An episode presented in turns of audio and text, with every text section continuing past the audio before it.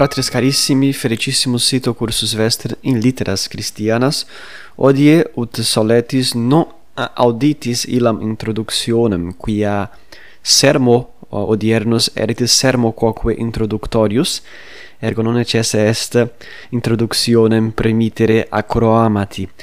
Uh, iam audistis fortasse primum acroama, Uh, quo aperio consilia mea uius sed condende ergo si vultis cognoscere quade causa uh, litteras christianas condidere in primo acroamate uh, illas rationes ostendo. Odie tantum vel indicere de me ipso aliquantum de vita mea sed maxime de lingua latina quomodo linguam latinam affectaverim id est cur linguam latinam petivi et quomodo eam didici.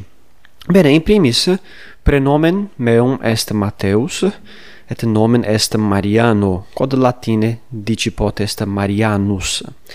Bene, quando natus sum? Natus sum anno millesimo, nongentesimo, primo et nonagesimo, ergo sum aduc adolescens undetriginta annorum. Et natus sum Brasilie natione sum brasiliensis, et natus sum in opido quod appellatur governador Valadaris, quod latine si redimus fit gubernator Valadaris, et hoc opidum pertinet ad civitatem, quae vocatur Minas Gerais. Fortasse nescio utrum scias, sed uh, Brasilia divisa est in viginti sex civitates seu provincias et uh, quia natio est magna nomine et sic divisa est. Et uh, oppidum meum indes oppidum quo natus sum pertinet ad civitatem quae vocatur Minas Gerais quod latine fit uh, fodine varie. Et uh, hoc nomen accepit quod uh, ic no ic quia non sum uh, in infodinis nunc sed uh, quia illic olim omnes maxime veniebant ut extraerent metalla et uh, alias res ex exterra maxime aurum et argentum et etc itaque hoc nomen accepit fodinas fodine varie seu Minas Gerais. Bene uh, sicut Eneas multum ego terris iactatus et alto uh, ad seminarium veni cum essem vir unius viginti et unius annorum.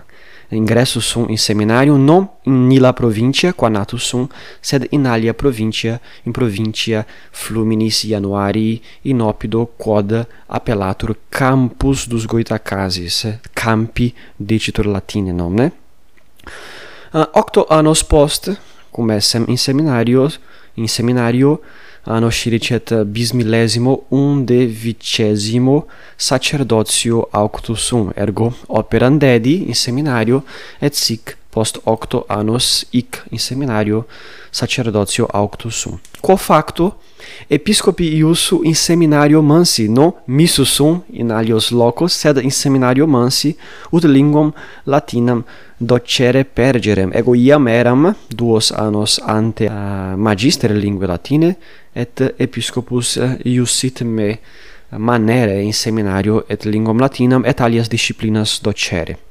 Bene, aduc hic munere meo libentissime fungor, ergo abito in seminario et multa hic ago, non solum linguam latinam docio, sed etiam curo ah, uh, tirone scuro ilos, uh, ilos sacricolas, qui nunc separant ad sacerdotium. Bene, satis de me, satis de mea vita, traseamus nunc ad linguam latinam, et commodo linguam latina didicerim. Bene, in primis dicendum est, me ad egregium sacerdotum pertinere, que qui vocatur administratio apostolica sanctus Ioannes Maria Vianney qui creatus est uh, qui grex creatus est a pontifice Ioanne Paulo II a sancto Ioanne Paolo II et pontifex nobis concessit facultatem utendi libris liturgicis antiquioribus. Bene nescio utrum scias at in liturgia in liturgia occidentali habemus multos modos celebrandi multos ritus. Et per vulgatissimus ritus est ritus romanus. Ateritus Romanus quoque duas formas diversas celebrandi habet, formam sciricet antiquiorem et formam recensiorem. Forma rece recensior promulgata est a pontifice Sancto Paulo VI anno millesimo nogentesimo unde septuagesimo. At nobis pontifexiones Paulo secundus concessit ut, serv ut servemus formam antiquiorem, Ergo lingua latina non solum nobis cordi est, quod sumus catholici, sed etiam quia eh, uh, ultimor libris liturgicis antiquioribus, qui habent linguam latinam ut uh, propriam et eh, uh, principuam. Bene, aduc si sumimus illas editiones typicas uh, liturgiae romane recensioris, habemus linguam latinam ut lingua Uh, ut linguam genuinam. Ex qua uh, versiones vernacula versiones vernacule uh, fiunt. Sed licet versiones vernaculas facere. At apud libros liturgicos antiquos non licet ergo semper uh, solemnia aguntur latine. Ergo nobis lingua latina cordi est et ea quotidie utimur non solum sacrum uh, facendo sed etiam in omnibus orationibus nostris liturgicis in omnibus ceremoniis Bene, commodo sermonem latinum didici. In nostro seminario cursus linguae latine quatuor annos complectitur, et equidem a primis scolis amore erga linguam latinam captus sum. Itaque mihi difficile fuit operandare linguae latine, quia libenter hoc faciebam et qua ratione lingua tradebatur. Bene, apud nos eo tempore, id est tunc temporis, illa methodus vigebat, que a multis uh, odie, odie dicitur methodus grammaticalis. Ergo, uh, precepta ex grammatica paulat indicebamus et deinde interpretabamur sententias ex lingua latina eh, ad lingua lusitana et e converso. Cum essem studiosus discendi multa alia didacta opera in biblioteca nostra querebam, et quodam die inveni in pluteis bibliothece librum Elius seriei Ioannis Orberg, qui appellatur familia Romana. Et eo tempore, ne scieba omnino, uh, rationem quedicitur viva, et commodo uh, illo libro uti deberem, ergo sum se librum, et quiei fabule erant faciles, cepi convertere ex lingua latina ad lingua lusitanam, nomne? Hodie scio peccatum esse, sed eo tempore uh, nesciebam methodum itaque hoc feci. Diebus feriatis, cum uh, ad rete potui venire, potui uh, agredi, quesivi de libro, quesivi de metodo, et casu perveni ad eh, sedem academiae vivari novi. Ubi non solum de ratione uh, inveni de ratione discendi de ratione viva discendi uh, multa. Inveni sed etiam inveni homines latine loquentes quod mihi erat omnino ignotum. Bene, sciebam Jesuitas tempore antiquo Latine locutus esse intersesse, at hoc mic erat aduc aliquid longe petitum et potui oculis meis homines latine loquentes conspicere et hoc fuit mirum et statim consilium cepi uh, discendi it discendi linguam latinam ut sic ut uh, eh, ili homines et ego possim latine loqui.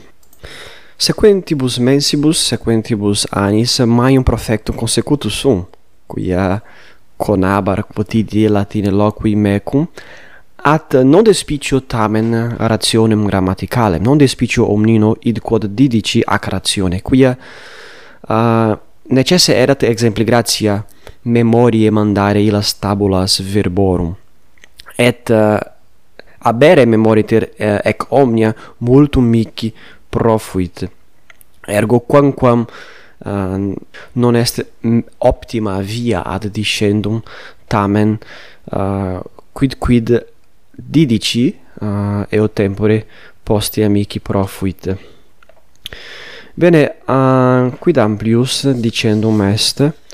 Ah bene, cum iam in tertio latinitatis anniversare novus magister ad nos advenit, qui rationem docendi mutavit ille venit ex alis terris et mutavit rationem et induxit libros orbergianos. Eh, ille magister erat doctissimus et cum eo primum latine colloqui potui. Ergo uh, multum mihi profuit hoc momentum. Bene duos annos post magister hic ex nostris terris profectus est et carebamus magistro et mihi pro tempore munus collatum est. Eh, ergo iam fini eh, iam finiveram eh, meum cursum lingua latine et munus docendi mici collatum est et sic docere cepi et aduc hoc facio bene? Ut finem imponam loquamur de pronunciatu latino.